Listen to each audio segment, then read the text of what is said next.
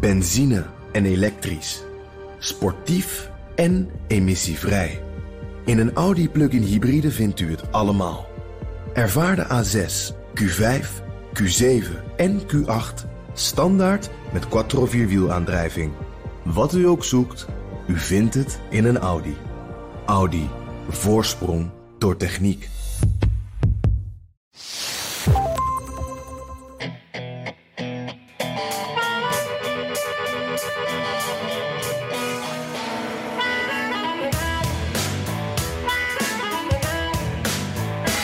We hebben boekentips voor je. Onder meer van de man met de snor. En de vaste luisteraar die weet dan al wie ik bedoel. Is Trump opgewassen tegen de macht van het gedrukte woord?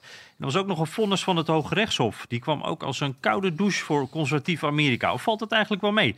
Dit is aflevering 29 van de Amerika-podcast. Dat is bijna een jubileum, Bernhard. Mijn naam is Jan Posma en voor wie me zoekt, ik zit aan de keukentafel in Washington met een net volgeschonken vers kopje koffie. En ik ben Bernard Hammelburg in de podcaststudio van BNR in Amsterdam. Nog even, want ik ga nu, Jan, eindelijk snel terug naar New York.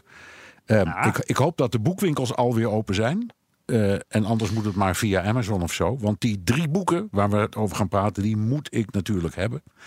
Uh, ja. Voor mij staat met stip op nummer 1 The Room Where It Happened, a White House memoir van John Bolton.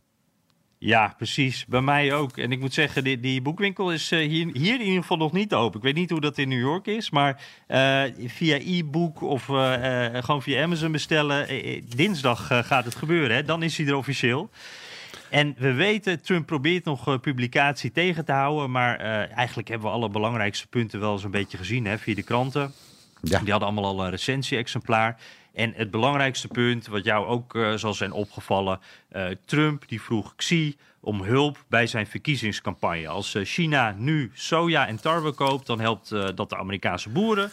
Uh, Trump zegt, dan help je dus ook mij aan mijn herverkiezing. Daar heeft hij op aangedrongen, help me daarbij. En dat is wel saillant natuurlijk, want Trump die, die zegt ook deze week nogal op Twitter... dat Amerika binnenloopt met importheffingen.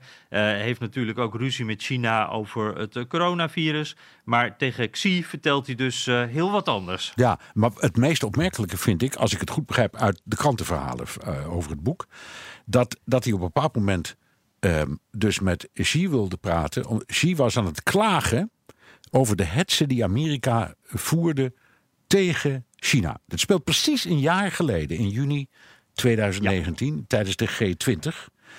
En uh, toen dacht Trump dat hij tekeer ging tegen de Democraten. Toen zei hij: Ik ben het ja. helemaal met je eens en je kunt mij helpen. Enfin, toen pakte hij het op. Van als je, ja. nou, als je nou voor 60 miljard dollar aan sojabonen koopt dan schakelen we die democraten lekker uit en dan word ik herkozen. Zo ongeveer ging dat gesprek. Precies, en dat is wel raar. Ik vraag me ook af, was dat een beetje tactiek van Trump? Of dacht hij echt dat, dat zie je het over democraten had? Want we weten toch dat Trump uh, naar buiten toe heel hard is tegen China. Ja, nou ja, als je het boek verder eh, ziet, althans de verslagen die we de, in de recensies die eh, jij en ik hebben gelezen. Ja. Dan zou ik me niet verbazen dat hij het echt, dat het echt een misverstand was. Want hij doet wel meer aan we komen direct misschien nog wel even op. Maar dingen die hij die, die niet goed weet. Of niet helemaal niet weet. Ja, of, of, of, zo. Dus, de, dus ik, ik, het kan best zijn dat hij dacht... Oh, die man is het helemaal met me eens, die democraten. Als je kritiek hebt op Amerika, ja, dan gaat het natuurlijk over Obama, of over de democraten, of over, over ja, Biden. Niet over Trump. Maar niet over Trump, dat kan helemaal niet waar wezen. En hij zei dus, ja, ik heb de boeren nodig. Uh, voor mijn herverkiezing. Dus ik, ik heb jou weer nodig om, om uh, hun uh, producten te kopen. En zo, en zo, ja. en zo eindigt de Xi dus met 60 miljard aan sojabonen die hij niet nodig heeft. ja. Ja, ja, toch? Ja, het werkt dus wel. ja. Oké, okay, um, ja. um, en in dat boek dan ook, uh, ja, daar worden allerlei dingen besproken over wat, wat Bolton klaarblijkelijk opvalt, een, een, zekere voorkeur van Trump om goede relaties te onderhouden met uh, autocraten of dictators, ja, het is maar hoe je ze noemen wil. Ja. Poetin, Erdogan, Maduro uh, wordt genoemd. Uh, ja, ja dat, dat is toch wel heel. Uh, ja, om even met. met uh, in, in gesprek met Poetin, weer volgens dat krantenbericht, zegt hij dan. ehm, die, die, die, die Guaido, die, of, of Poetin, die zegt tegen Trump, die, die Guaido, die, die oppositieleider in Venezuela, dat, is, dat is eigenlijk een lastpak. En dan, dan wordt het thema getrokken naar Hillary. Ja, dus hij vergelijkt hem eigenlijk met hij Hillary. Hij vergelijkt hem met Hillary. Ja. En, en, en vindt dan onmiddellijk Trump op zijn weg, die notabene naar buiten officieel toe, officieel heeft gezegd: wij steunen Guaido en wij verbreken de betrekkingen met Maduro. Maar tegen Poetin zegt hij dus iets anders. En Poetin manipuleert hem dus. Nou ja, ja, dat, ja. dat is ongelooflijk. En ook, ook, slim van Poetin, hè? want dat, dat, als je dit dan hoort, van, dat werkt natuurlijk als een rode lap op een stier. eh, Om hem met Hillary Clinton te vergelijken, dan weet je dat, dat Trump daarop zal reageren. Ja. En ik, wat ik ook echt, uh, omdat het in het verlengde ook van um, uh, het hele impeachment-onderzoek zit. Dat, dit is eigenlijk het onderwerp waar, waar uh, Bolton de hele tijd al naar zat te hinten. Hè. Vond ik dat wel echt heel interessant. Dat hij Trump dus tegen Erdogan en tegen Xi heeft gezegd dat rechtszaken tegen Turkse en Chinese bedrijven best stopgezet konden worden. Want ja, die, die rechtbanken die zijn eigenlijk door Obama benoemd.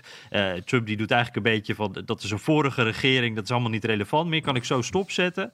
En ja. Bolton die schreef daarover, uh, het was belemmering van de rechtsgang als a way of life. Dus structureel, dat konden we niet accepteren. En uh, Bolton zegt dus nu van ja, die democraten die hadden zich daarop moeten richten in dat impeachmentonderzoek. En nou ja, even dat, dat impeachmentonderzoek, daar moeten we het zo maar even over hebben. Maar sowieso, dat is toch ook wel schokkend, toch? Ja, dat vind ik ook. Um, en um, uh, het, het, het feit dat hij, nou ja, klaarblijkelijk zegt. Er zijn twee soorten rechtbanken in de Verenigde Staten. Namelijk de rechtbanken die benoemd zijn door, door Obama. Die moet je niet serieus nemen, die tellen ook niet. Dat zijn vijanden. En de rechtbanken die door mij zijn benoemd, want dat zijn de vrienden. Ja. En uh, ook Erdogan, die, die heeft naar mijn idee heel slim gebruik gemaakt van die uh, omstandigheden. Ja, ja, ja, ja.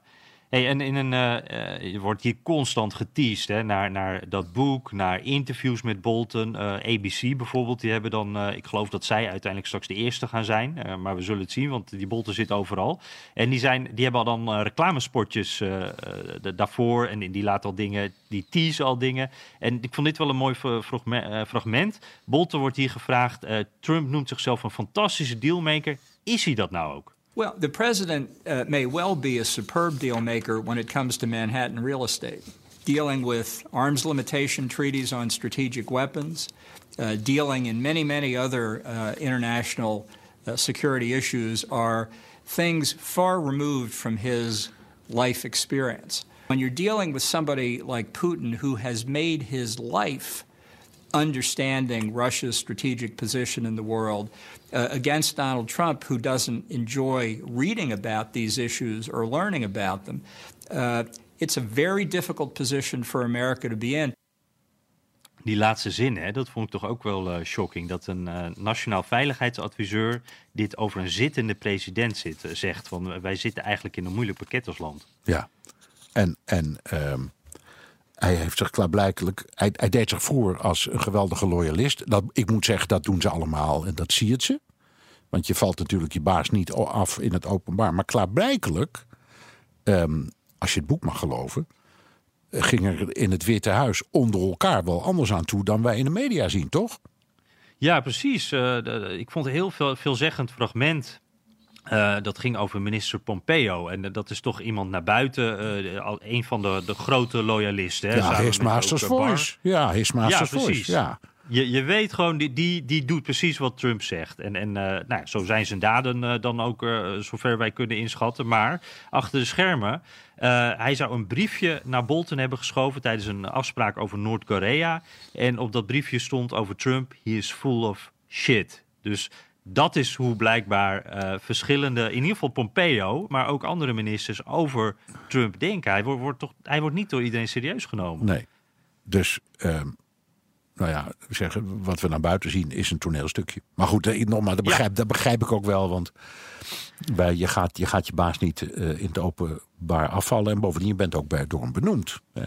Dus zeggen toch altijd... Ja, je wil ook uh, je werk doen. You, you serve at the, at the pleasure of the president. Dus, dus uh, hij kan je ook ja. zo ontslaan. En dat, zo is daar ook geregeld.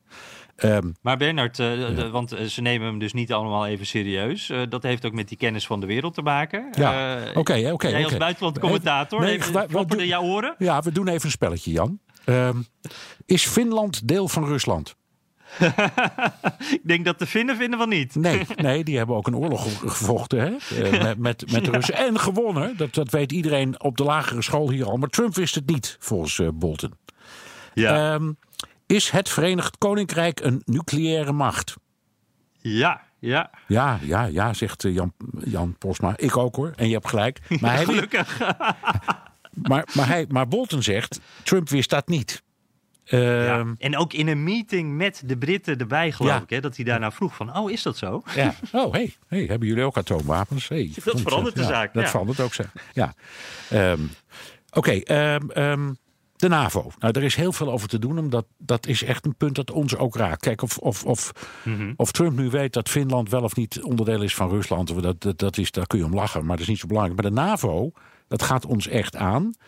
En hij heeft dus ook intern, maar ook tegen NAVO zelf, maar ook intern gezegd: we gaan eruit. We gaan gewoon uit de NAVO uit. En toen zei Bolton, maar man, wow, wow, wow, wow, wow, niet zo hard van stapel. Weet je wel wat je zegt? Waarop, volgens het boek, eh, Trump dan tegen Bolton moet worden gezegd... maar wil jij dan geen geschiedenis maken? Ja. Dat, dat deed mij erg aan het hele Noord-Korea gebeuren denken eigenlijk. Van, eh, het, evenement, dat is het belangrijkste, de show. We willen een statement maken, iets laten zien. En daar kijkt Trump dus in dit geval ook volgens mij meer naar. Ik wil, ik wil geschiedenis maken. Ja. Dus waarom eh, ben jij daar dan tegen, Ja, Bolton? ja, En Bolton ja. dan denkt, maar wacht even. Ja, Chinese, Chinese concentratiekampen hè, waar Oeigoeren in, in zitten. Eh, Ja. ja, nou, wat geeft dat, hè? Als je, als je Bolton mag geloven, is dat wat Trump heeft gezegd. Ja, wat is daar nou weer mis mee? Eh, Ja. Ik, ik, eh, ik moest even denken, Jan, aan eh, het moment waarop ik eh, net in Amerika was. Dat was nog in de tijd van Lincoln, zou ik maar zeggen. Maar dit is dus alweer een paar dagen geleden. Nee, maar ik was het heel lang geleden. En toen, toen kwam ik. Hoe, hoe oud was jij toen ongeveer? Toen, toen was ik eh 32. Twee- Oké, ja. 32 toen ik naar Amerika ging. Eh, Iedereen en- kan nu thuis een beetje rekenen. ja, ja, ja, ja, ja, ja, ja, ja, ja. En eh, nee, maar dat is geen geheim. Ik ben 73, dus het is alweer een paar dagen terug. Eh, en toen ehm, vertelde ik dus aan collega's en vrienden... ik kom uit Nederland, waarop een gespreksgenoot vroeg... en dat was iemand met een academische opleiding, een achtergrond... wacht even, Nederland, is dat niet de hoofdstad van Brussel? daar, daar heb ik toen, ik schreef in die tijd voor eh, eh, kranten... daar heb ik toen nog een column over geschreven... omdat ik het ook zo verschrikkelijk komisch vond. ja, Eh, ja, ja. En, en ja, en ik, wij denken dan meteen, zie je wel, The Ugly American. Eh, maar ik weet wel dat ik er toen ook bij schreef... niet iedere Nederlander weet wat de hoofdstad is van Kentucky. Dus Ja, we, we, we, hè, we moeten ook niet... eh, weet je trouwens wat de hoofdstad is van Kent- Kentucky? Nee, nee, weet ik echt niet. Nee, ja, jij weet wel veel, dus. Nou ja? ja, Frankfurt. Kijk, nou, ik had Ja. geen idee. Nee, en, dat hoeft, en eerlijk, dat hoeft ook helemaal niet. Want het is echt, je bent echt geen Amerika-kenner als je weet wat de, hoofd- de hoofdstad van Kentucky is. En zo is een Amerikaan geen Europa-kenner als hij precies weet waar al die hoofdsteden nou precies bij horen. Dat geeft helemaal Ja. niks. Wij, wij maken, niet te min van de president verwacht je het wel dat hij het weet. Ja, precies, Ja. op zijn minst. Hey, en Bernard, als ik het allemaal een beetje zo samenvat, hè, dat, dan krijg je dus het beeld van, van een, eh, dat, dat Bolton schetst, zeggen we er nadrukkelijk bij. Een gedreven man, een wantrouwende, overweldigende, een intimiderende bullebak. eh, die ook ondertussen geen idee heeft hoe de wereld eh, eh, en ook zijn eigen land in elkaar zitten. Nee, en, en het Witte Huis. Want dat is ook iets wat Bolton schrijft. Hij zegt, ja, dat is in feite gewoon een ambtelijk instituut. En hij heeft geen idee hoe het werkt en hoe je zoiets managt. En eh, dat is, nou ja, dat, dat hebben we ook al gehoord van, weet ik wat, eh, Woodward en, en, en andere auteurs. Ja. Ja, dat, dat is nog wel iets wa- wat ik wel. eh, eh, ja, wa- wat, mij wel een beetje zo, zo opvalt hierin. We hebben al zoveel Trump-boeken gezien. Je noemt Woodward al. We, hebben Michael Wolff natuurlijk gehad. En met Fire and Fury. Die, die, dat maakte toen heel veel los. We hebben ook, ook allemaal allerlei ex-medewerkers. Die hebben ook sowieso los van boeken al van alles gezegd. Ehm, ja, eigenlijk kan je zeggen, de hoofdlijnen zijn steeds hetzelfde. Die worden steeds bevestigd, ook nu weer. Wa- wa- Wat, ik net opnoemde, dat zijn eigenlijk eh, die, die karakteristieken, dat hebben we al veel vaker gehoord. Uh, het, zijn, het zijn wel allemaal nieuwe anekdotes en nieuwe verhalen. En ik moet zeggen, ik weet niet hoe het met jou is, maar ik, ik schrik daar dan toch weer van. Ik smul er ook van. Uh, het verbaast me ook toch weer. Maar tegelijkertijd, als de stof dan wat neergedaald is, dan kan je ook zeggen, ja, er verandert niet echt wat. dus misschien heeft dit ook allemaal niet zo'n grote impact daardoor. Mm, wat denk jij? Nee, ik denk dat je gelijk hebt. Um, omdat iedereen medestanders en tegenstanders zo langzamerhand wel een aardig beeld hebben van wie die man is.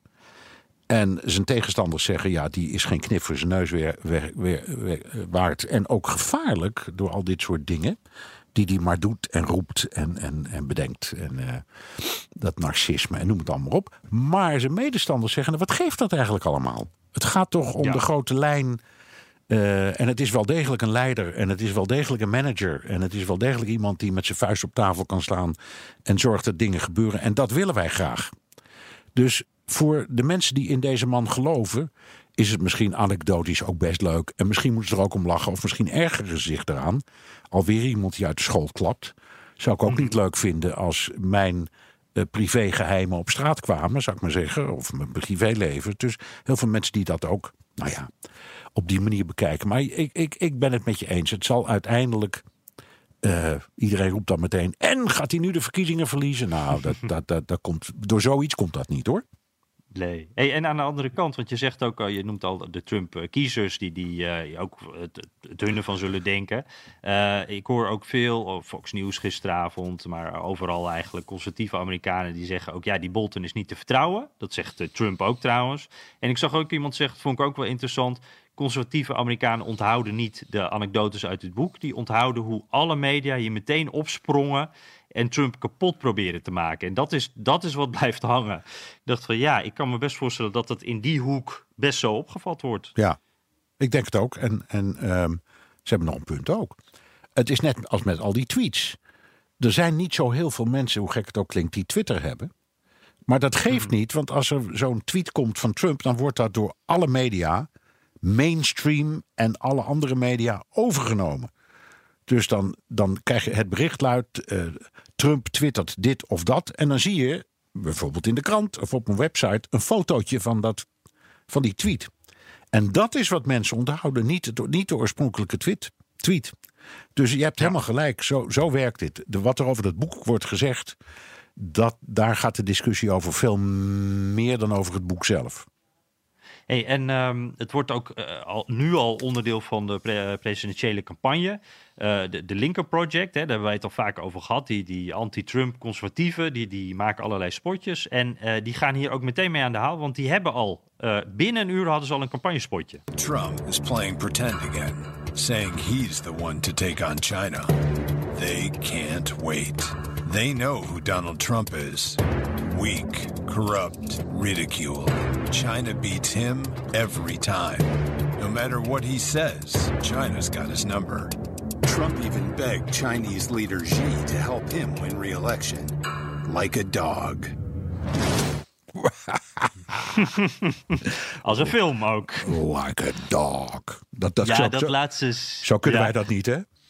Nee, misschien wel goed ook. En, en, Trump die heeft vaak als hij mensen beledigt, vergelijkt hij ze met honden. Hè? Ja. En dit, dit is dus niet toevallig.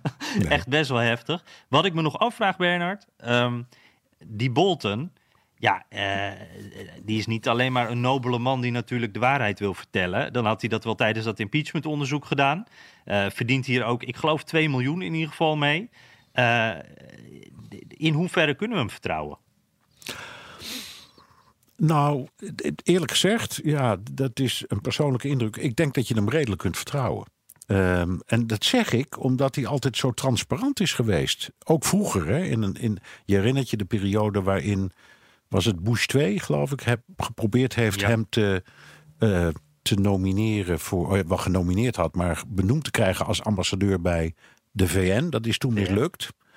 Uh, en toen, he, toen werd hij heel beroemd met een uitspraak. Die luidde geloof ik, als je de bovenste tien verdiepingen van het gebouw van de VN aftikt, is er geen hond die het verschil merkt. en daar zit nog wat in ook hoor. Uh, en daar ontstonden toen hele discussies over. Uh, en het beeld wat iedereen altijd had was: het is een onvoorstelbare stijfkop. En hij is eigenwijs en arrogant. Maar hij meent wel wat hij zegt. En hij is ook heel consequent in zijn opvattingen. En dat hij, Mhm. dat hij met Trump in zee is gegaan, is helemaal niet zo gek. Want dat paste in zijn gedachtenlijn. En dat hij dan zegt: Ja, maar ik kwam met iemand in contact die totaal geen besef had van hoe de wereld werkt. En mijn taak was nationaal veiligheidsadviseur. Dus dat was niet meer te doen. Ik, ik geloof dat wel. Ja, inderdaad. En hij, hij wilde natuurlijk eh, Iran eh, wilde die harder aanpakken. Nou, dat is gedeeltelijk dan een beetje gelukt. Uh, hij wilde meer eh, ja, actiever eigenlijk ook ingrijpen daar in Ja. die regio. Nou, het is een hij houtdegen. teleurgesteld al. Het is een Ja, houtdegen, ja. ja. Hij is gek op, eh, op militaire middelen en op harde sancties. En dat is hij. Maar daar is hij altijd heel eerlijk over geweest. Dus dat was helemaal geen verrassing. En dus voor meerdere presidenten gewerkt. Ja. En je zou kunnen zeggen van nou ja, wat zijn motieven ook zijn. Eh, we, we- we weten in ieder geval dat hij heel veel aantekeningen altijd maakte. Dus hij, hij zuigt het niet uit zijn duim, zou je zeggen. Nee. Nee. Oké, boek nummer twee. Ja. Jan, Ja, The, The Art of Her Deal. Leuke grap, want dat, Ja. is, dat komt dus uitgepikt van The Art of the Deal. Dat is een boek over Melania Trump. Eh, speurwerk van eh, Mary Johnson, een redacteur van de Washington Post. Eh, veel minder spannend natuurlijk dan dat verhaal, dan het boek van Bolton. Maar het is wel echt roddel. Ook leuk. Wat viel jou nou, Jan, op als speciaal verslaggever van BNR Boulevard? ja. Dit, ik, eh, we gaan, eh, het gaat de goede kant op met deze podcast. Nou ja, maar, Ik, daar- eh, maar dit boek past echt in, in, in die sfeer. Ja. Dat, ja. Precies, het is ook, ook weer genieten. Het, eh, eh, ja, het was natuurlijk het uitstel van haar verhuizing naar het Witte Huis. Hè? Eh, waarvan eerst gezegd werd dat is omdat Barron, een jonge zoon, die zou daar dan nog het schooljaar af kunnen maken. Maar in dit boek wordt nu geschreven dat was om nieuwe huwelijkse voorwaarden af te dwingen. Ehm, en ja, Melania was volgens dit boek heel boos op, op haar man, op Donald Trump. door al dat gedoe aan het einde van de campagne. Ehm, Waaronder natuurlijk die Access Hollywood tapes hè, met eh, Grab Me eh, of eh, Grab 'em bij, nou, bij je huisdier. En Ja. die, die, die- dat, dat, wij hebben daar eigenlijk nooit gehoord wat, wat Melania daar nou echt van vond. En of ze daar gevoelens bij had. Maar daar was ze dus boos over. En zij dacht, ik, ik ga dus even dat huwelijk opnieuw onderhandelen. Ja, ja. En heeft dus nieuwe huwelijksvoorwaarden. Ja, het is wat. Nou las ik in het stuk in de New York Times over dat boek, in de, dus in de recensie. Eh, dat Mary Jordan, de, de redacteur van de Washington Post, die het heeft geschreven, eigenlijk geen directe bronnen kon gebruiken. Of had. Dus het was heel veel speuren en door eh, de kiertjes kijken. Ehm, maar het beeld dat je krijgt is wel van een hele gesloten vrouw. Hè? Echt een, eh, nou ja, ehm, bijna ja, ook letterlijk en figuurlijk onbenaderbaar. Heel wonderlijk, zichtbaar afwezig persoon. Ja, precies. Ja, dat is wel mooi gezegd inderdaad. Ze is er wel, maar toch ook weer niet. Het, ja, een beetje mysterieus nog steeds. Hè? En ehm, ook wel, ja, het beeld wat in ieder geval geschetst wordt, is, is eh, iemand ook die wel opportunistisch is, die ambitie heeft, die eigenlijk ook politiek denkt. eh, als het gaat om haar eigen positie. Eh, dus dat is wel, eh, eh, dat, dat, dat vind ik ook wel weer heel interessant aan. Dat je toch een beetje ziet dat zij wel een, een kracht in het Witte Huis is. Maar hoe groot en wanneer dat, dat. Nou, ik ben wel benieuwd naar dat boek op dat punt. En natuurlijk politiek gezien ook interessant hoe zij nou naar de VS gekomen. Hè? En hoe haar ouders genaturaliseerd zijn. Dat ging allemaal heel soepeltjes. Terwijl Trump juist tijdens de campagnes ook tekeer ging over chain migration. Ja, gaf hij dat, liet hij dat voor zijn vrouw, voor de ouders van zijn vrouw wel gewoon toe dus. Ja, eh, precies. Want zij kwam als fotomodel naar de Verenigde Staten en had een groene kaart en naturaliseerde en heeft toen haar ouders laten komen. Precies. En dat is dan waar Trump altijd tegen het keer gaat. Maar dan gaat het natuurlijk niet over mensen uit Slovenië, maar dan gaat het tegen mensen uit Mexico. Ja, Ja. ja. dat is Ja. het verschil inderdaad. Ja, ja, dat zijn er ook wat meer, moet ik eerlijk zeggen. Maar goed. ehm, en een, een boek dat we, dat we toch moeten hebben, is het er al?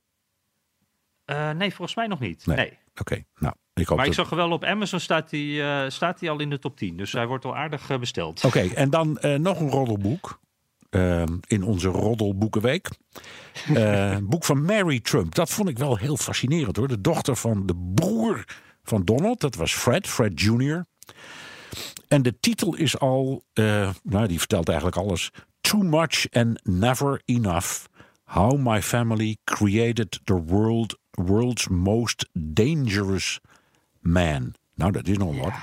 En die, die vrouw is uh, dokter in de psychologie. Ja, klinisch psycholoog, geloof ik. Ja, psycho, ja, precies. Is klinisch psycholoog. En mijn vader was ook psycholoog. En die heeft me altijd geleerd. Je mag nooit analyseren aan de hand van dingen die je ziet. Dus je mag nooit een analyse doen op iemand die je niet persoonlijk hebt meegemaakt. Ja. Uh, maar zij heeft hem wel persoonlijk meegemaakt. En dus als zij zegt: deze man is een levensgevaarlijke narcist, dan denk ik ja, ze is een vakvrouw en ze kent hem en ze is familie. Dat zou best eens kunnen kloppen. Ja, ja, ja, dat is heel interessant en ook heel uh, spannend vind ik wel. Want dan zie je aan de ene kant, er staat ook PhD, dat staat op de titel bij haar naam. Dus dat, dat vinden ze uh, duidelijk, heeft dat een rol, ja, haar achtergrond. Ja, dokter, hè? Ja, maar je krijgt dus een, een, uh, wel een soort spannende combinatie van waar is zij nou uh, de psycholoog en waar is zij uh, het nichtje? En, en, waar, ja, waar loopt, loopt dat, waar is het grijze gebied daarin ook? Dus het, het wordt voor mijn gevoel ook een soort, het wordt persoonlijke memoires in combinatie met een analyse. En dat, dat wordt een soort, hoe noemen ze dat, faction, fiction en faction door elkaar? ja. ja. Mogelijk, ik weet het niet, maar nou. ik, daar ben ik wel benieuwd naar. Dat is wel spannend. Ja, en, en natuurlijk toch wel ook de, de de Sphinx achter de schermen, blijkt nu. Uh, hè, want uh, ja. er kwamen al die onthullingen op een bepaald moment over de belastingen van Trump. Ehm, en de vraag of, of het verhaal dat hij self-made miljonair is, of dat wel klopt. Ja. en die werden toen allemaal ontzenuwd. En ik herinner me dat Trump heel woest werd van welk lek heeft dit nou verteld aan de New York Times? En wie was dat lek? Ja, dat was Mary. Dat was, blijkt, blijkt zijn eigen nichts geweest te zijn. Ja, ja fantastisch. Ja, hè? En, ja. en, dat was echt een van mijn favoriete stukken van de afgelopen jaren. Want daar, daar zat de belastingpapieren van een aantal jaren, wel van lang al geleden, eh, die had zij doorgestuurd. En daar stond zoveel informatie in over hoe uh, Donald Trump rijk is geworden. En, en, hoe groot ook de rol van zijn vader daarin was. Veel groter dan hij zelf natuurlijk doet voorkomen. Ja. Uh, fantastisch verhaal. Ja. En de, de, hey, oh ja, we hadden, ja, de New York ja. Times heeft, heeft er een Pulitzerprijs mee gewonnen. Dus jij was niet de enige oh, okay, die, dat is die, ja. die, Jij was niet de enige die het een geweldig uh, verhaal van. gezelschap. Ja. maar de hamvraag, Bernard, uh, en die komt van uh, Taki Weer 21 via Twitter. Mooie naam. wordt het nichtje van Trump een pain in the ass voor Trump of juist koren op de molen? Um, ik denk eigenlijk geen van beide. Um, hij, uh, als het aan hem ligt en aan zijn campagne, dan zal hij het terecht, denk ik, het, uh, het beeld schetsen van een mes in de rug. Mm -hmm. En dan nog uit je eigen familie. Uh, en dat is allemaal afgunst. Want wie is die Mary Trump nou helemaal? Had u alles van haar gehoord? Nou, de rest van de wereld niet hoor. en van mij wel, van Donald. Dus ja, en er is een enorme fete geweest over de erfenis hè, van papi. Dus daar komt dit ook allemaal nog uit voort. En uh, Trump zal waarschijnlijk, als hij verstandig is met een brede grijns op het gezicht, zeggen: ja, uh, ze schrijven allemaal wat ze schrijven willen. Maar een, een boos nichtje, die zoekt het verder maar uit. Dus ik denk dat ik het. gaat het land even redden. Ja, ja, dat denk ik wel. Nou, uh, nog een groot verhaal. Over drukwerk gesproken. Uh, ja, serieus drukwerk. Ja, ja, enorme schok voor Trump moet dat geweest zijn. Het vonnis van het Hooggerecht, Hooggerechtshof over homo- en transgender werknemers. En dat ging dan over discriminatie die werknemers ondergaan door hun baas. Dat mag niet, zegt het Hof. Leg eens uit, Jan. Hoe zit dat ja, vonnis in elkaar?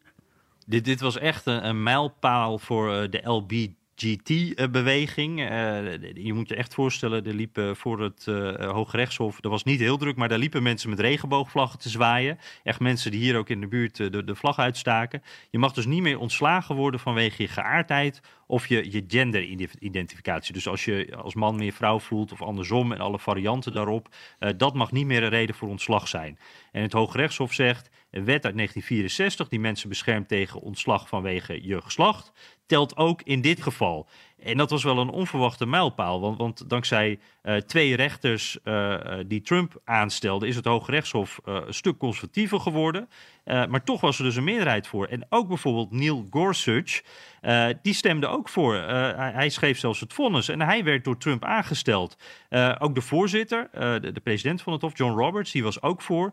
dus hier in de buurt, ik woon in een, ja, een beetje de homo-buurt van, van Washington, is dit eigenlijk, of was dat in ieder geval altijd. En mensen waren hier echt wel verbaasd. Dat, is ook eens goed nieuws. Hoe ga ik hier nou eigenlijk mee om? Ja. Dus uh, hier ging echt de vlag uit. Ja, ja en het is ook.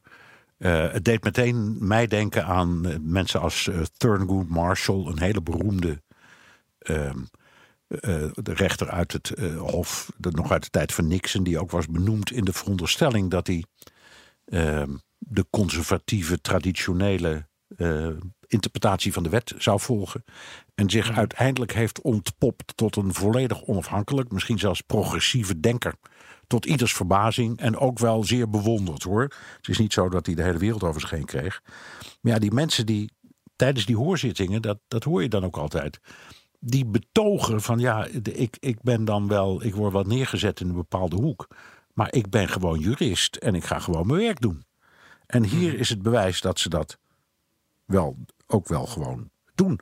Maar ik denk wel, het is een ontzettende dreun voor uh, de evangelische beweging en misschien ook wel voor de Rooms-Katholieken. Uh, want die zijn zo gek op Trump, omdat ze altijd zeggen: ja, hij heeft nou precies de juiste kandidaten voor dat Hoge Rechtshof uh, gekozen.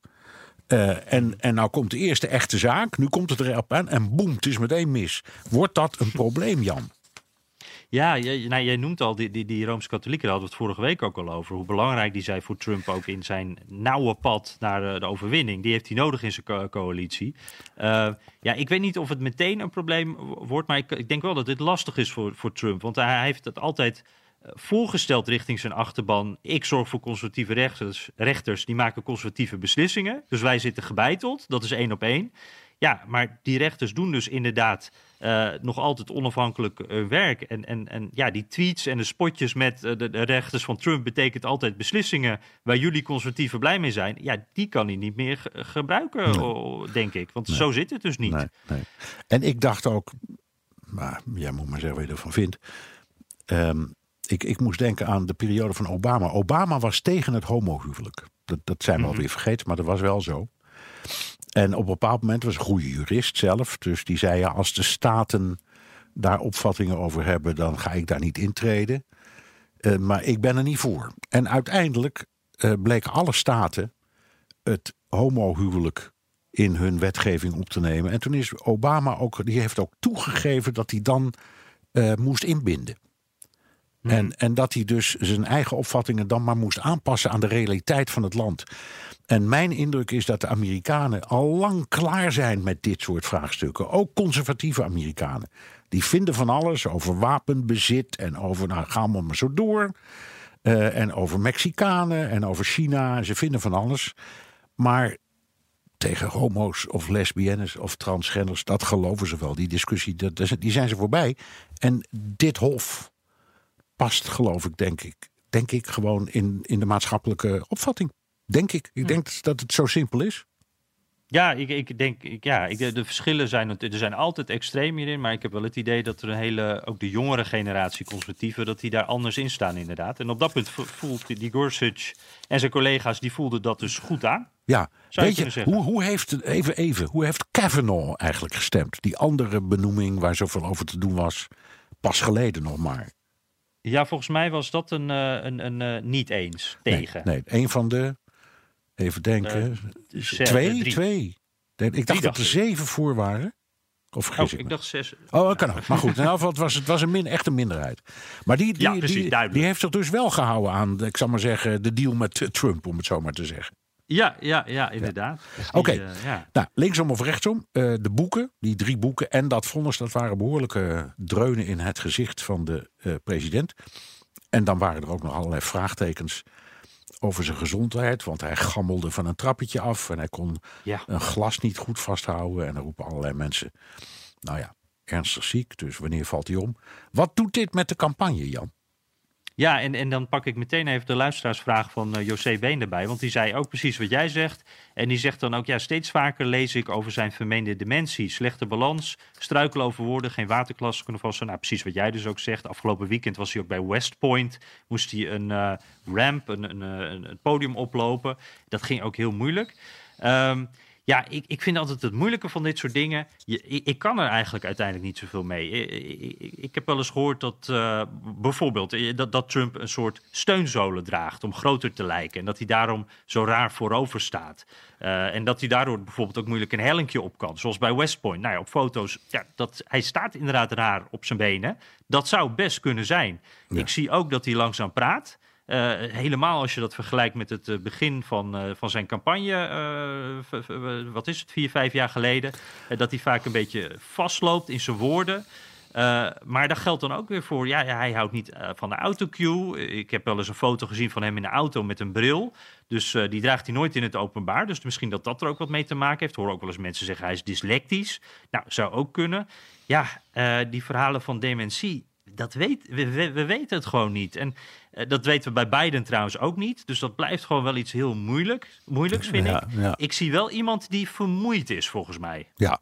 Wat denk jij? Ja, maar je ziet elke president zie je aftakelen tijdens zijn presidentschap. Um, je zult, weet je, we hadden we het onlangs nog over dat Obama weer even terug was in beeld, letterlijk en figuurlijk. Um, ja.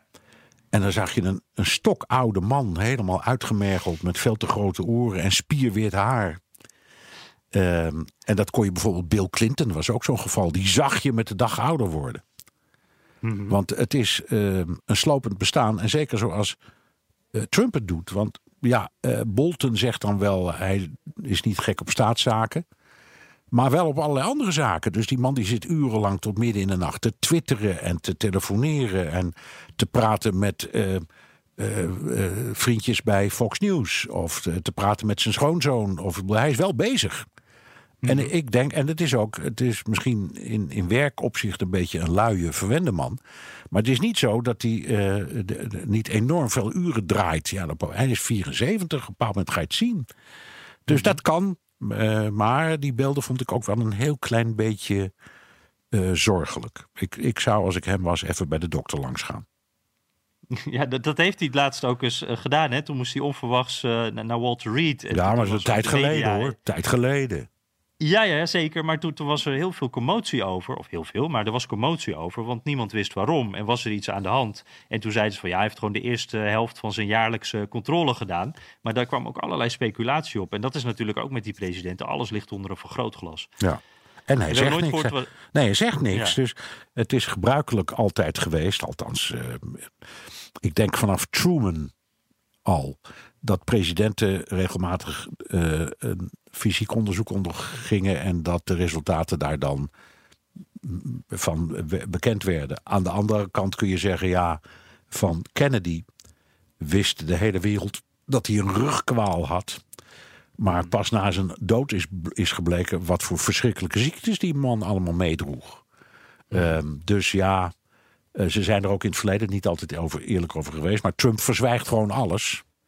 Of er komt een dokter in beeld en die zegt: Nou, ik heb hem bekeken, ik vind hem wel gezond. Ja, die, die, niet zo, die zegt dan de gezondste mens ooit. De, ja, daar ja, komt ja, het ja. een beetje op neer. Ja, ja precies. Ja. Hey, en uh, José Been, uh, nog even kort, die noemt ook nog Reagan als voorbeeld. Ja. En die zegt, daar werd ook van gezegd, die was misschien al dement aan het einde van zijn presidentschap. En zij noemt dan nog dat 25ste amendement. Kan je dat nou instellen? Oh, ja, natuurlijk kan dat, maar dat is natuurlijk zo'n paardenmiddel. Ja, nou ja, het 25e amendement dat voorziet in verschillende dingen. Reagan is inderdaad een interessant voorbeeld.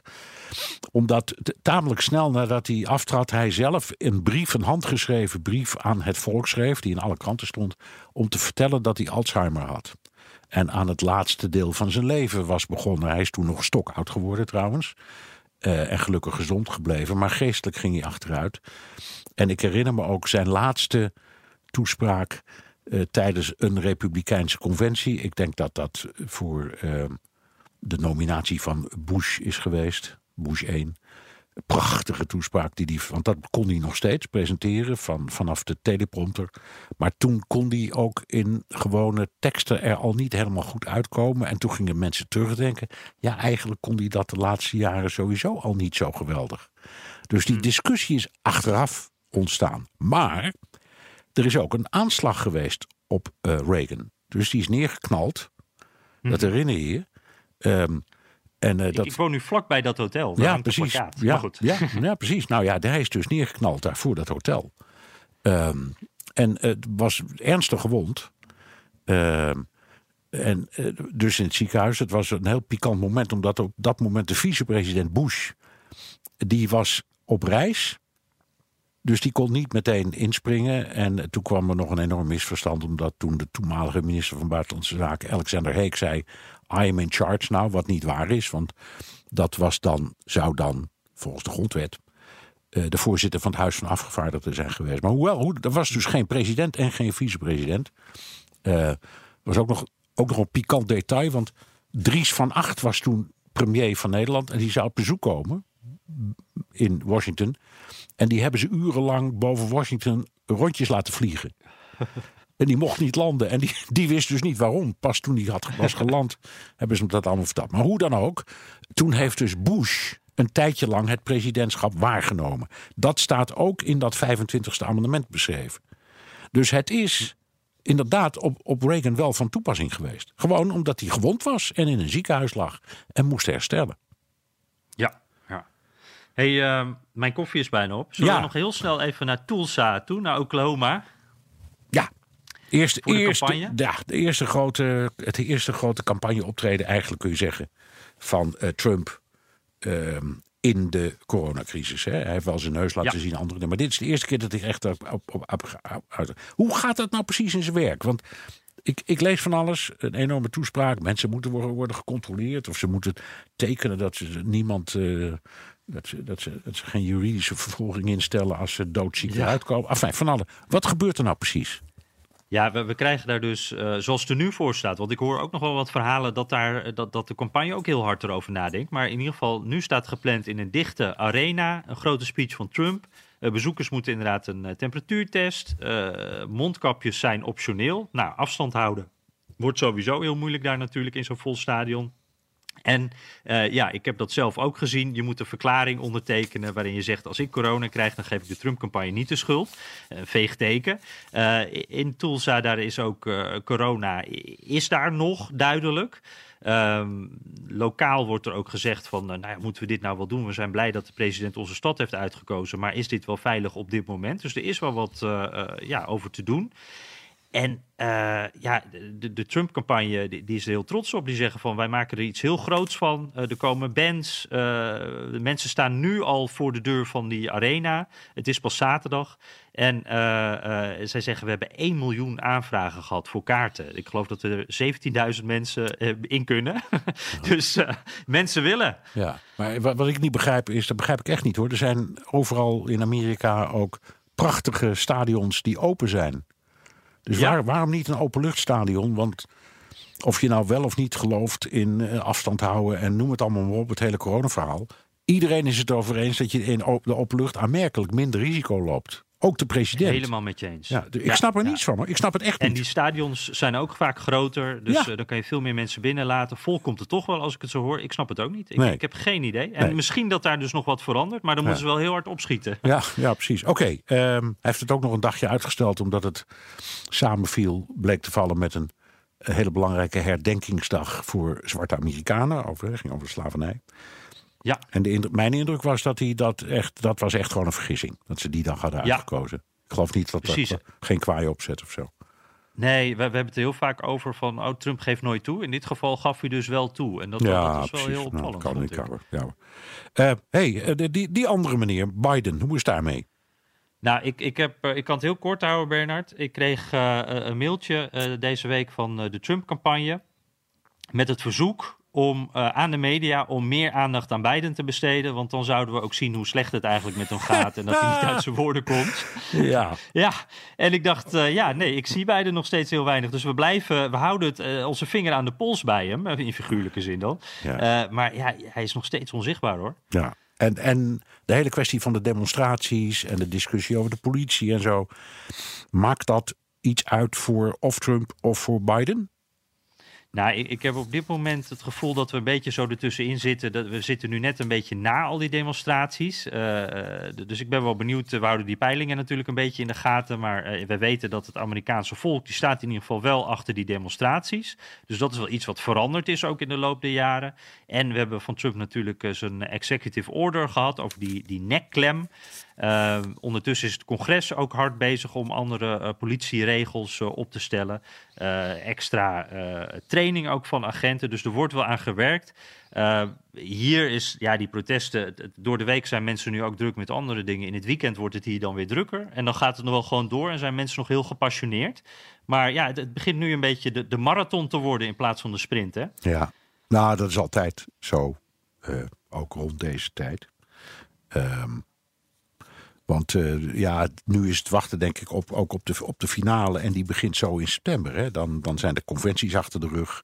Dan zijn die demonstraties achter de rug. Dan weten we iets meer van of dat corona een beetje aan het zakken is. Dus ik denk dat dan komt pas het echte gooi- en smijtwerk. We zien. Precies, hey Jan, ja. we krijgen gelukkig altijd een hoop vragen. Ik, ik heb ja. zo gekeken de, in, in onze mailbox echt heel veel. Ja. Uh, dus grijp eens in jouw digitale grabbelton. Ja, we, maken even een selectie, want er zaten echt wel heel veel leuke tussen. Maar blijf ze uh, sturen. Uh, begin even met uh, Bart Smijts. die begint over seizoen 2 van de podcast Gangster Capitalism. Dan gaat het over de NRA, de National Rifle Association, de, de wapenlobby. En daardoor wordt gesteld dat Trump baat heeft gehad bij de steun van de NRA bij zijn verkiezing in 2016. Maar nu gaat het helemaal niet zo goed met die NRA. financiële problemen liggen onder vuur. Gaat dat invloed hebben op de komende presidentsverkiezingen? Ja, goede vraag hoor. Ja. Um, um, ik denk van niet. Uh, omdat het aan de, ele de, elementaire uitgangspunten van die National Rifle Association niks verandert. Dat is een lobby die al sinds de oprichting gewoon hetzelfde zegt. Namelijk, blijf met je tengels af van het tweede amendement op de grondwet. En elke beperking aan wapenbezit zien wij als schending van dat amendement. Hm. Uh, daar, dat is zo simpel. En, en hun leden steunen eigenlijk altijd republikeinen. En dat blijven ze doen. En als er iets is, als iemand met een dubbele pen in de boekhouding heeft geschreven, dan denk ik dat die kiezer dat wel vervelend vindt hoor. En dat hij denkt: moet ik mijn lidmaatschap wel verlengen als dit niet deugt en mijn contributie betalen? Maar het is niet zo dat die politiek dan afscheid neemt van de Republikeinen. Daar geloof ik helemaal niks van. Maar tegelijkertijd, uh, op een ander vlak heeft het misschien wel invloed. Uh, ten eerste, qua geld valt het allemaal volgens mij wel een beetje mee. Ze hebben 30 miljoen dollar in 2016 aan, Trump, aan de Trump-campagne gegeven. Dat is natuurlijk veel geld, maar nou ja, in verhouding is het ook maar een klein beetje. wat ik wel nog een beetje denk, ja, ook op lokaal niveau steunen ze dus, wat jij zegt, ook kandidaten. En ik, ik, ik heb wel het gevoel, een sterke NRA uh, maakt Trump ook sterker. Dat, dat zou wel helpen, maar Jawel, zeker, niet. Zeker wel, nee, maar om de, de, principiële grondslag verandert niet. Het standpunt van de NRA, dat is de reden waarom de Republikeinen stemmen op, uh, op Trump. En, dat is, en die campagnesteun is, zoals jij zegt, niet zo heel erg belangrijk.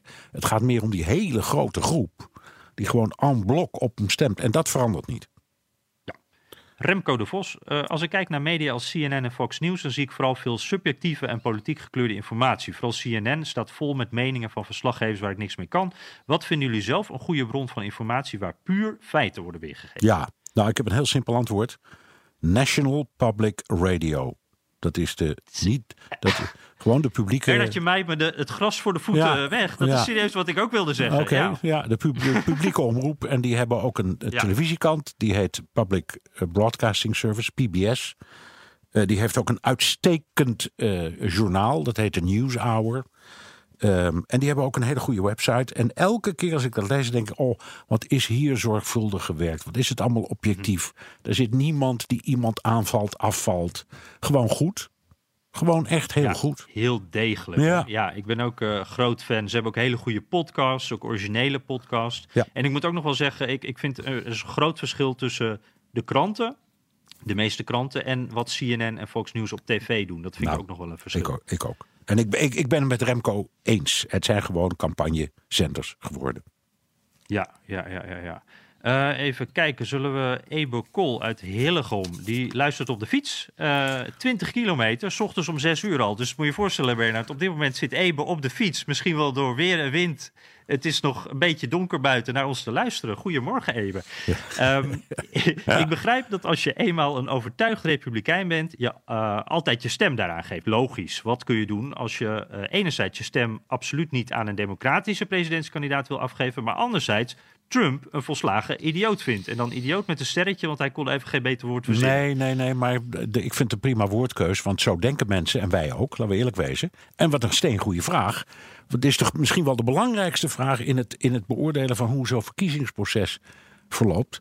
Want de mensen die voor um, uh, Trump stemmen, dat, die, de, dat, dat is niet interessant. Die weten wel. De mensen die zeker op Biden stemmen, ook niet interessant. Het gaat juist om de zwevers of om mensen in zo'n geval als dit, die zeggen: Ik ben uh, republikein, maar ik kan niet op een democraat stemmen en op Trump ook niet. En wat gebeurt er dan? Gaan ze niet stemmen.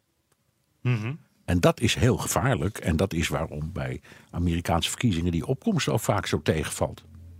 Ja, ja in 2016 zag, hoorde ik zoveel mensen zeggen: uh, wij willen beide kandidaten niet. Nee, de, geen, geen Hillary en geen Donald. Nee, daar hebben we toen heel ja. veel over gesproken. En die zijn dus ook weggebleven. En dat heeft uiteindelijk uh, voor Hillary meer schade opgeleverd dan voor Trump. Ja, uh, ja en een third party is een weggegooide stem nog altijd. Dus dat, dat is ook geen optie. Um, even kijken. We, die, ja, we, we, moeten er eentje kiezen. wil je het liever over corona of over verdeeldheid hebben? verdeeldheid, denk ik. Want corona, ja. Nou ja.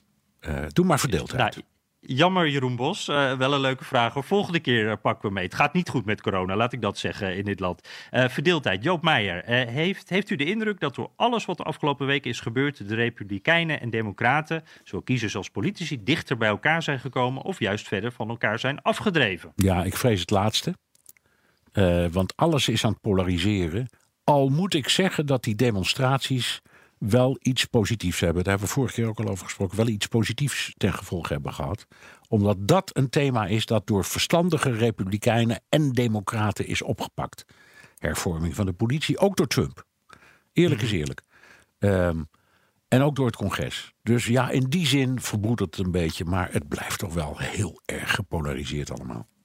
Ja, precies. Ja, er is een beetje overlap inderdaad, die, ja. die groepen. Dat is wel mooi om te zien. Maar ik, ik hoorde een tijdje geleden iemand zeggen, dit was voor corona, we hebben eigenlijk een grote ramp nodig om bij elkaar te komen. Ja. Bijvoorbeeld een invasie van aliens of zo. Dan vinden we elkaar wel weer. Ja. Nou, dat is niet zo. Nee, maar we hebben wel een invasie van een virus. Dus wie weet, hè? Ja, dat is nog niet over. Oké, okay, en dat, dat nog Jeroen Bos, we zijn je niet vergeten. Ja, er is ook een virus. Jan, we eindigen meestal met een Nederlands onderwerp. Waarop stuitte jouw Friese hart? Ja, op uh, Omroep Friesland, uh, Bernard. Uh, die hadden een artikel Weg met Peter Stuyvesant. en dat gaat over Kingston. Dat is een klein plaatsje in New York State. En daar is een petitie om het beeld te verwijderen van Peter Stuyvesant. Dus de, de beeldenstorm die raakt ook ons Nederlanders. Ja, en waarom? Waarom? Ja, waarom ja, Stuyvesant staat daar natuurlijk, omdat... omdat destijds dat een Nederlandse fort was. Hè? Dus daarom... Ja, inderdaad. En jij weet ook meer wat, waarom, uh, ja, is hij, waarom moet hij nou om? Nou ja, dat, kijk, Van Stuyvesant is bekend, dat is niks nieuws hoor, dat hij een enorme racist was. Dus hij had echt een hekel aan alles wat niet gewoon blank Nederlands was, zal ik maar zeggen. Dat vond hij allemaal minder waardig. Nou, je weet hoe ze met de Indianen zijn omgegaan. Um, er waren toen nog niet zo heel veel andere minderheden, hoewel ze er wel al waren hoor, in die periode. Maar één voorval is heel bekend. Uh, dat was de komst van Joden. En die kwamen uit Recife in Brazilië. Dat was 30 jaar lang Nederlands. En door de Inquisitie is dat uiteindelijk in Portugees-Spaanse handen gevallen. Dus daarvoor wilden die Joden vluchten. Die hebben een Nederlands schip gepakt, de Valk. Dat is uit de koers geraakt en zocht een Nederlandse haven. En de dichtstbijzijnde, dat was Nieuw-Amsterdam. Ja. Uh, en nou ja, dat waren, dat waren in feite Nederlanders op een Nederlands schip. Dus de directeur-generaal, want zo heette, zo heette die dan, Stuivers, en die kon die mensen niet weigeren. Uh, dus die, uh, die moest ze, uh, die moest ze opnemen. en ehm, had eh, zogezegd juridisch zelfs niet dat ene been om op te staan. en maar de rest van zijn leven is hij tegen eh, Joden en andere minderheden blijven fulmineren. Dus het is wat dat betreft. Ja. Het was nou niet echt eh, op, op het gebied van. Het was natuurlijk een hele belangrijke man, ook historisch. En dat brengt ons altijd weer op de discussie van... moet je nou beelden om gaan halen, ook van mensen als ze niet hebben gedeugd. Maar in elk geval, het verhaal daarachter, dat is, daar, daar- er is inderdaad een verhaal. Ja, ja, ja, ja. Nou, eh, mijn eh, koffiekopje is eh, helemaal leeg.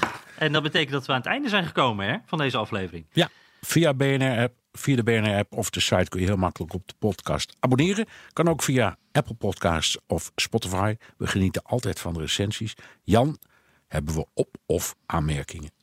Uiteraard. Martijn Beverwijk en die, Beverwijk, en die mailt uit Saigon. Die werkt door heel Azië. Eh, ook een mooi beeld. Iemand eh, die nu in Saigon aan het luisteren is. eh, in een heel andere tijdzone. Waardeert de podcast, dat is leuk. Toch twee puntjes. Jullie nemen veel tijd om het nieuws samen te vatten. En ik wil eigenlijk liever meer analyse. Want de luisteraar volgt het nieuws wel. Ja, ik, ik denk dat we proberen daar een beetje een mix in te vinden. Ja, dat vind ik ook. Ik trek het me altijd aan als mensen dat zeggen. Ehm, maar wat ik vermoed is dat Martijn, omdat hij in Azië woont en ook door heel Azië reist, iemand is die het nieuws enorm volgt. En wij als makers van radioprogramma's en podcasts eh, hebben gelukkig een publiek dat zeer in geïnteresseerd is, maar niet automatisch alle kranten en alle uitzendingen en alle nieuwsbronnen volgt. Dus ja, we zitten daar een beetje tussenin. We pakken het nieuws en we proberen een beetje de achtergrond te geven. Soms historisch perspectief. Ehm, maar het is iets om altijd op te blijven letten. Ik ben blij dat hij het ons eh, meldt. En ik vind het ook fantastisch om te horen dat iemand in Saigon naar BNR luistert. Ik heb ook Ja, ooit in mijn leven in Saigon gewoond. En toen kon je nog niet naar BNR luisteren, kan ik je vertellen. Dat was ook wat eh, andere omstandigheden. Onder omstandigheden, ja. Ja, ja, ja. Hij zegt ook eh, vaker de gevolgen voor Europa graag. Nou, Ja. gaan we opletten. Ja, dat vind ik een goeie. Gaan we doen. Ja, Ja, dat gaan we echt doen. Ja, dat vind ik ook. Ja, dat, is, dat verliezen we ook wel eens een beetje uit het eh, oog met al het campagnegeweld en alle dingen die gebeuren. Hey, nog eventjes dan, eh, vijf sterren hebben we gekregen van E EZ, eh, EZPZ2, eh, van Jeroen Heeslenveld, Jeroen van Nierop en Lorenzo 987. Eh, dus dank voor al die aardige berichtjes. Ook voor de berichtjes die we kregen over het feit dat we nu wekelijks een podcast mogen maken. Zijn wij ook heel blij mee en we zijn natuurlijk ook heel blij met jullie als luisteraar. Ja. Oké, terugluisteren kan via de BNR-site, Apple Podcast en Spotify. Heb je vragen, opmerkingen, kritiek, complimenten? Dat kan ook met een tweet naar Jan Postma USA of BNR De Wereld. Of heel ouderwets, met een mailtje naar dewereld.bnr.nl. Ja, het waren deze week eh, een hoop fietsers die luisterden. Dus eh, altijd goed om te horen. Ook de mensen uit en vreemde. Dus eh, laat dat ook even weten bij je vraag. En ja, dank voor het luisteren. Tot volgende week. Benzine en elektrisch. Sportief en emissievrij. In een Audi plug-in hybride vindt u het allemaal. Ervaar de A6, Q5, Q7 en Q8 standaard met quattro vierwielaandrijving. Wat u ook zoekt, u vindt het in een Audi. Audi. Voorsprong door techniek.